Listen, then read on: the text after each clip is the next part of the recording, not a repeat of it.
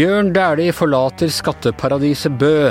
Arbeiderpartiets statssekretær i Helsedepartementet foretok en opprydning i sin sosiale mediehistorie etter henvendelse fra pressen. Og har Solskjær bestilt billetten hjem til Kristiansund foruten grunn til Kristiansund? Dette er Gjevrøy-gjengen. Det er mandag den 25. oktober. Eh, og ja eh, For å starte med, med Bø, eh, Astrid Mæland. Eh, sjokkmelding nå. Eh, Bjørn Dæhlie, som vel akkurat har flytta i nytt, flott hus i Bø, flytter ut igjen med en gang. Eh, hva har skjedd? Eh, jo, Bjørn Dæhlie og kona Vilde de har altså meldt flytting eh, tilbake til Sør-Norge, da, får vi tro. Jeg er jo ikke helt sikker på hvor de bor, egentlig, men de har altså bodd et år i Bø i Vesterålen, og dit flytta de i oktober i fjor, fordi formuesskatten ble satt ned kommunalt. så Bø i Vesterålen ble et sånn Monaco, da, et skatteparadis. Men hva er det som har fått dem til altså bare et år? Det, var de ikke klar over værforholdene i Bø, eller hva, var ikke skatteforholdene så gode som man trodde, eller hva, hva er det som gjør at de er snudd allerede? Nei, altså det kan hende det ble litt for langt å pendle, da. Um, usikker, det er ikke noen som har fått Bjørn Dæhlie i tale, ikke noen medier som har fått en forklaring, men uh, han sa jo det i fjor at det skulle være et prøveprosjekt. Uh, ga det et år, og det var flott natur og et eldorado der oppe. Uh, jakt Eh, nærhet, gangavstand, sentrum. Altså alt lå til rette eh, for at Bjørn Dæhlie skulle trives. Han skulle gi det en sjanse, men nå har han altså da gitt opp. Trivdes vel ikke, da. Jeg vet ikke om det var noe feil med kulturtilbud, eller om det var for dårlig oppkjørte skiløyper. altså Jeg vet ikke. Han har altså lagt ut boligen for salg, og til da dobbel pris av det han selv ga for den. Han har vel antagelig pussa opp underveis? Ja, det er, eh, det er, jo ganske mange rikinger som har flytta til Bø i Vesterålen etter at uh, ordføreren oppe der fant på det her kreative trikset da, med å sette ned formuesskatten. Det er helt lovlig for øvrig. Men det var mange sånne litt stusslige 50-60-talls uh, eternitthus som har fått en oppshining, da, annet Bjørn Dæhlie sitt hus. Det har ligget ut på Finn, så det går an å gå inn og se. Det ser ganske generisk innreda ut, som skal si det sjøl. Det ser ut som en eiendomsmegler har satt ut pynten og flytta litt på plantene brukt dem i de forskjellige bildene. Eh, men de har sikkert bruka ganske mange penger på oppussinga, så det er ikke noe rart at eh, den boligen har blitt eh, dyrere. Da. I kjelleren så kan du se et par personlige eiendeler, som tilsynelatende et par ski og et par redningsvester og en fiskestang og, og noe greier. Ellers så ser det ut som ingen har bodd der, egentlig. Ja. Men altså, for all del, ordfører Sture Pedersen oppe i Bø i Vesterålen han sier at Bjørn Dæhlie har bidratt masse, har vært masse i Bø i Vesterålen. Så han han uh, har ikke pekt pekefinger mot han, men han har vært litt sur på andre milliardærer og millionærer som har flytta dit uten å tilsynelatende ha noe annet enn en postkasse oppi der. Ja, Han mener at det ikke er der nok? Det er vel ikke det ordføreren er mest uh, opptatt av. Han vil vel at de skal legge igjen penger. Det var hele planen til ordføreren var jo å få oppmerksomhet Bø i Vesterålen, der det er altfor mange gamle og altfor få som fødes. Eh, blir til slutt et gamlehjem hvis, eh, hvis det her fortsetter. Jeg vil ha penger til å starte eh, nye bedrifter. Turisme, fiskeoppdrett, torskeoppdrett. Eh, andre store ting som jeg håper på at de her rikingene skal legge igjen eh, og sette i gang da, og legge igjen penger i, i Bø i Vesterålen. Har Bø tjent på dette alt i alt, eller er det det ordføreren er sur på, at det ikke har ikke har funka etter planen?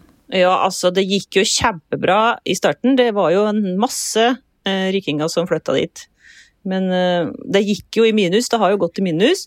Um, så I fjor så måtte Erna Solberg-regjeringa sende en uh, krisepakke opp til Bø i Vesterålen. For det er det man glemte å tenke på var at de fikk jo mye mindre skatteinntekter når de satte ned skatten.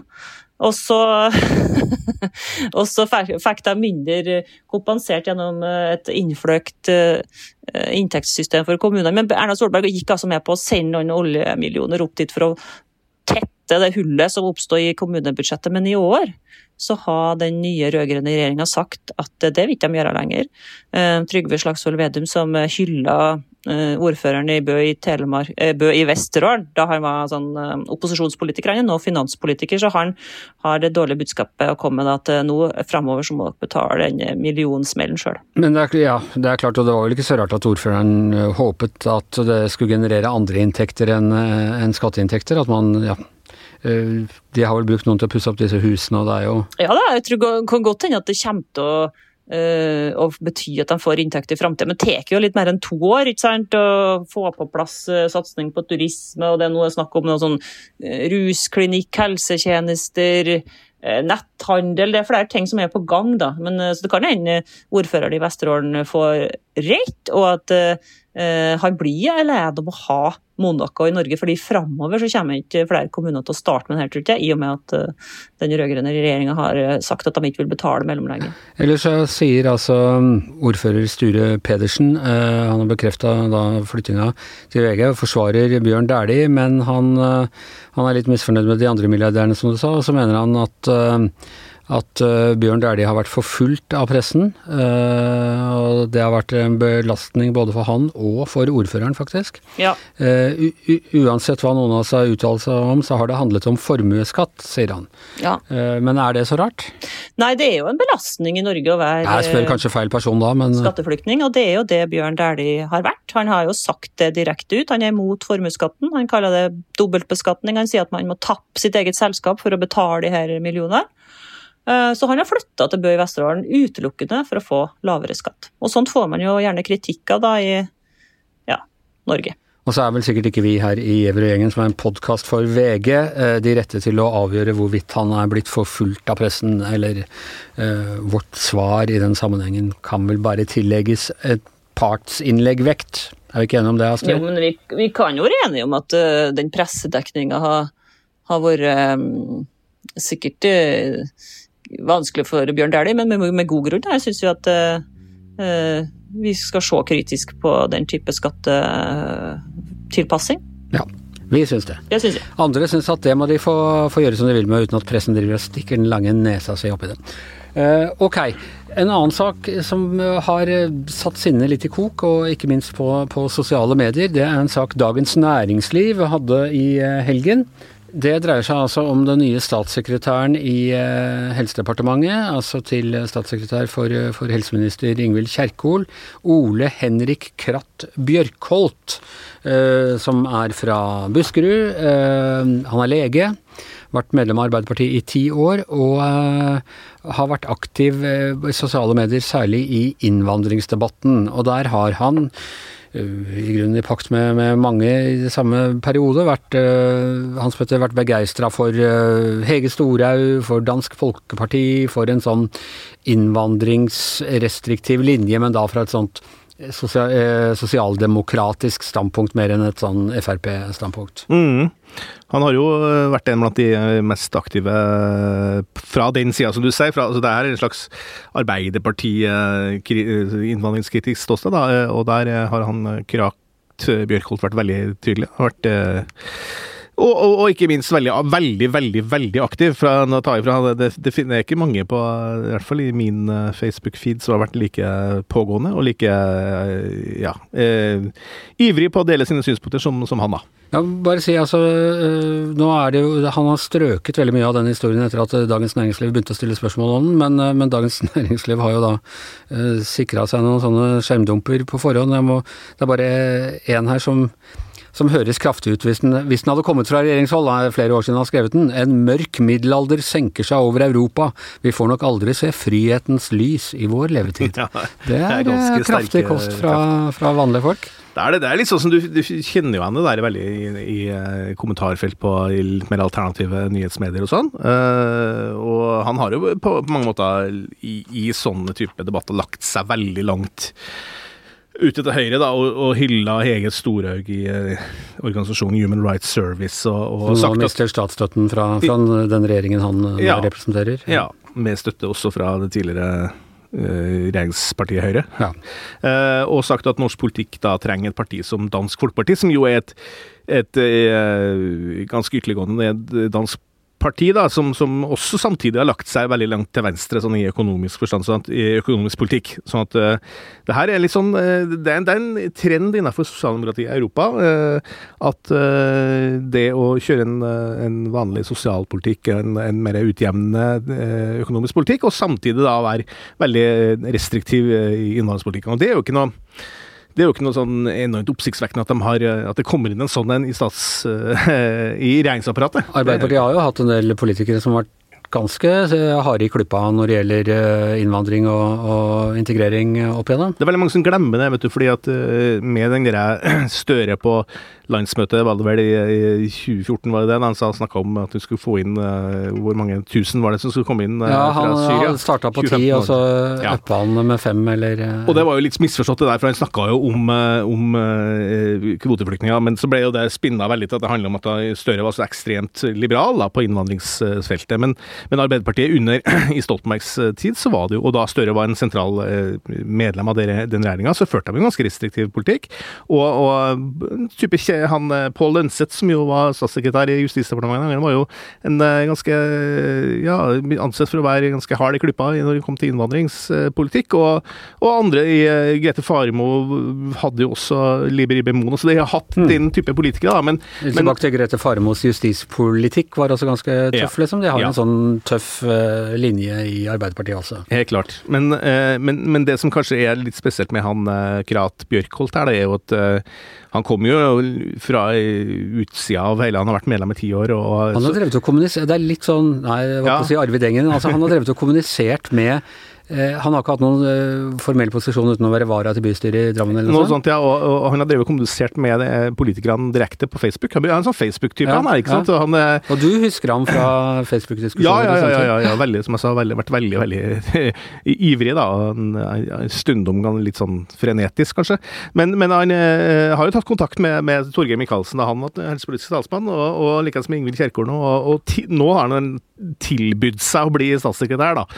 og du kan si at det er jo en ganske ambisiøs fremgangsmåte. Litt, eh, Men vet vi at han ikke er, at han ikke er noen andre råd eller sånne ting han er, er hentet fra? At han ikke er liksom øh, flaska opp i, eh, i, systemet på en eller annen måte? Altså, han, han, har jo vært medlem bare i ti år, og ikke, da, har ikke hatt noen sånn sentral posisjon noen steder. Men han er lege, da, og er jo en fagperson og har sikkert masse godt for seg, han. Har ingen grunn til å sitte her og slakte Kratt Bjørkholt på noe vis. Det er bare det er veldig fascinerende å se hvordan, hvordan ja, du kan si at liksom den Facebook Facebook-offentligheten liksom som siver inn i, i, i apparatet da, i, i, staten, og ledende posisjoner. Det syns jeg er litt artig å se på. og ja, jeg, det, må jo si, jeg må jo si at jeg, da, da, jeg hørte om det, i hvert fall, så jeg, jeg ble litt overraska. Ja, fordi han uh, har hatt den profilen han har hatt. Ja. Men du, er det også sånn, nå har han da uh, strøket en haug med poster, så det er ikke mulig å se hva han uh, egentlig sa utover det DN har tatt vare på. Og han mener ikke dette lenger, og han tar masse sjølkritikk og legger seg flat. Er det en sånn krav om underkastelse? For det politisk korrekte Norge for å få lov til å komme inn i regjering? Har han, har han gjort knefall for en type selvsensur? Nei, altså Han sier jo sjøl at han gjør det, for det mener noe annet nå enn han gjorde den gangen der. Mange det, det må han jo nesten si. Han kan ikke si at jeg, jeg, gjør det fordi sjefene mine forlanger at jeg skal gjøre det. Nei da, men mange av de innleggene han, som de har her, eh, noen har tatt skjermdump da, da sånn, det er jo noen som følger med alt som foregår på Facebook. sant? Eh, det var jo tilbake i 2015, og da var det jo veldig oppheta debatt. Det var jo Syriakrigen og flyktningkrisen, og da, da kan jo han sitter i ettertid, så kan jo også han Kratt Bjørkholt tenke at ja, han gikk kanskje litt langt og var litt ivrig på Facebook den tida. Det er jo for så vidt helt fair, det. Eh, men det er, jo, det, det er jo, fascinerende, som du spør om, sant? Det, hvorfor han har gjort det ellers òg. Det, er jo, eh, det er jo sånn at det som skrives i sosiale medier, det blir kjent, og det sitter folk og tar skjermdumper overalt. og det må jo kanskje folk tenke litt gjennom òg, hvis de har litt ambisjoner eh, senere i livet med å komme seg litt videre i, til, til makta, maktas tinde og maktas posisjoner. Ja, og så uh, syns jeg også det hører med at han har da fått støtte fra i, uh, Arbeiderpartifolk i sin hjemkommune, eller i sitt uh, hjemfyl hjemfylke Viken, holdt jeg på å si. Gamle hjemfylke Buskerud, ja. hvor det er, jo er en, en ganske sånn sosialdemokratisk streng innvandringslinje mm. som er anført av folk med innvandringsbakgrunn selv. Ja, det er Masud Gharahkhani, eh, som jo har vært innvandringspolitisk talsmann. Eh, Sylo Taraku, som også har vært eh, i Agenda, som, som også er fra samme område. De, de har da jobba over lang tid for å få lage en innvandringspolitikk til Arbeiderpartiet som, som ligner litt mer på den som søsterpartiet Danmark har. Og de har nå fått gjennomslag ganske mye i partiet. Det var jo et stort innvandringspolitisk utvalg innad i arbeid, utvalgsarbeid innad i Arbeiderpartiet som, som, kom fram med en del sånne tiltak som, som ligner på det som sikkert Og som var ledet av Av Gharahkhani. Ja da, så, så det her er ikke noe ytterliggående standpunkt på noe vis. Det er vel mer retorikken og, og, og det å støtte Hege Storhaug og sånn, det er jo, vil jeg tro faktisk er ganske kontroversielt da, innad i Arbeiderpartiet. Så det er noe mer en sånn retorisk, litt sånn Facebook-aktig måte å argumentere på, som er egentlig verre enn selve standpunkta til, til, han, da. Ja, så får, vi se, får, vi nå se, hvordan det går. Det, ja. sikkert, eh, det blir interessant å følge med. Altså, og kan man kanskje håpe at når Ole Henrik Kraut Bjørkholt eh, er blitt statssekretær, så er det et uh, tegn på at middelaldermørket som senket seg over Europa for en år siden, nå er i ferd med å lette, at vi faktisk får se frihetens lys i vår levetid. Ja, det, det er lys i enden av tunnelen i, i i, i regjeringa for tida. Ok, vi skal over til den saken som alle er opptatt av, unntatt meg. Uh, og det er en fotballkamp i helgen. og Da bare overlater jeg til dere, Leif og Hans Petter, å diskutere dette. Ja, jeg kan, kan si nei til ordet, så kan jeg ta uh, først. Jeg så jo ikke kampen, da, for jeg, jeg, så jo heller på uh, Rosenborg Karnøfla Sandefjord. Og etter at Real Madrid og Barca hadde spilt El Clásico, så viste det seg at det foregått en kamp i England ja, som, som, som, satte fyr på folk rundt omkring på hele verden. og og Leif, det var 5-0 til Liverpool på bortebane mot uh, United, altså på Old Trafford. Det er mer, ja, en større skandale i internasjonal fotball. Det er jo nesten ikke mulig å skape. Nei, og i sentrum for det står altså Ole Gunnar Solskjær, norsk manager i Manchester United. Altså, dette er jo prestisjekampen over alle prestisjekamper mellom eh, erkerivalene. To klubber med en enorm historie, med en stolthet hos fanskarer eh, over hele verden. Og det er ikke mye som svir eh, mer enn å tape mot rivalen. Og én ting er at du gjør det på hjemmebane, du gjør det med slike sifre, men det var også noe med måten det skjedde på. Altså, det var så klasseforskjell mellom lagene at det nesten var parodisk. Du så altså at i Manchester United Eh, som det er investert enorme summer i de siste tre årene, med Solskjær eh, som sjef, som ikke henger sammen i det hele tatt. Som begår juniorfeil i forsvar, som ikke behersker presshøyde. Det er elementære misforståelser, det er tellefeil, det er, eh, det er rett og slett altså, det, altså David De Rea, keeperen, sa det vel. Altså, det så ut som unger som spilte mot voksne utpå der. For, fordi, så vidt jeg forstår, så alle Eller jeg så jo sett målene, de ligner jo på hverandre. Det er jo omtrent samme målet som skåres hver gang. Altså, det, det, er, det virker som at det bare gikk nærmest i oppløsning, hele forsvarsspillet. Det, altså, Liverpool er så raske og så presise, og, altså, og, United er ikke posisjonert. Det virker ikke som de har hatt noen plan, og det er her det begynner å bli kritisk eh, for Ole Gunnar Solskjær. For det er klart, altså, han har hatt en periode hvor han overtok et uh, mannskap med problemer. Han har fått masse tålmodighet, han har fått kjøpe spillere, han har fått bygge opp det som skal restaurere Manchester United som et topplag. Og, klart, når han er i den posisjonen, og da komme dit at han har de spillerne han har nå, så må han tåle å sammenlignes med Jørgen Klopp i Liverpool, med Pep Guardiola i Manchester City, med Thomas Tuchel eh, i Chelsea.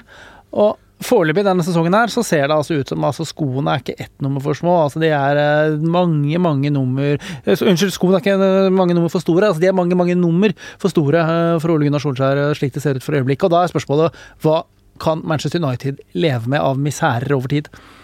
Og for, fordi det er det som er, eh, når jeg sett engelsk år, så er det, det er tre lag som dominerer totalt. Altså det er Chelsea, eh, Liverpool, Manchester City. Det er tre beste lagene i Premier League. Og de har de tre eh, managerne som du nevnte i stad. Og det er helt distinkt eh, profil. Eh, de har en plan, de spiller alltid likens. Det er akkurat samme opplegget hele tida.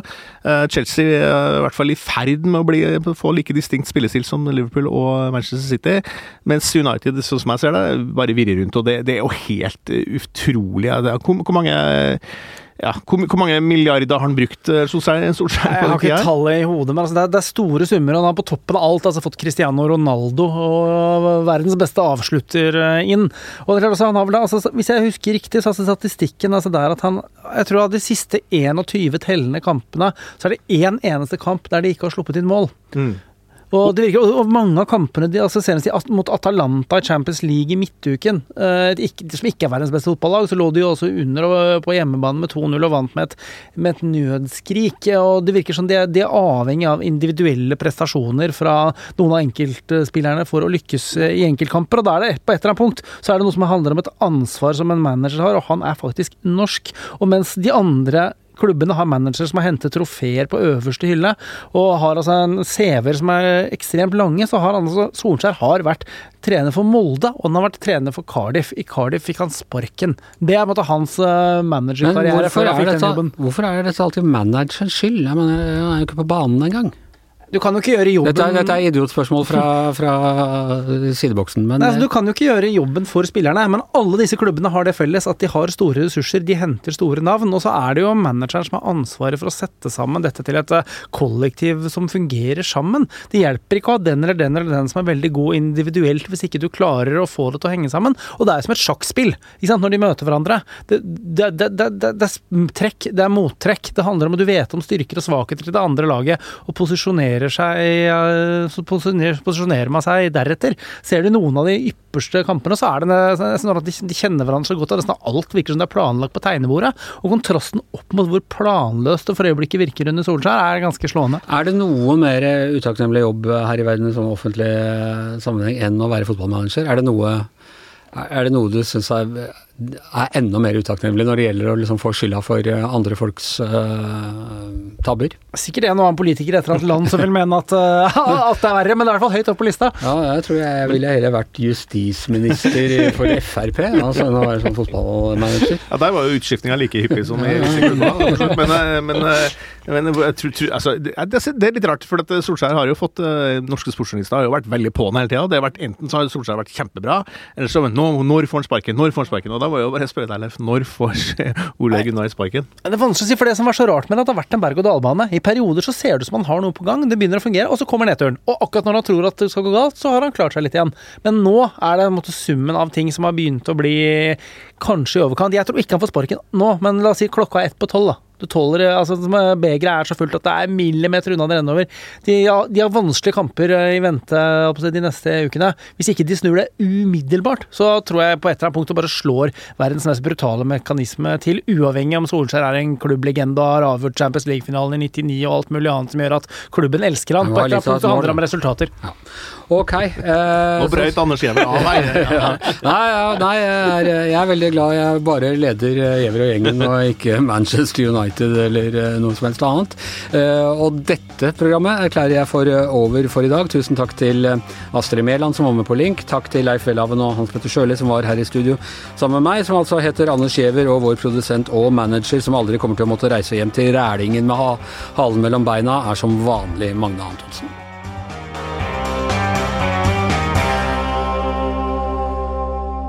Du har hørt en podkast fra VG.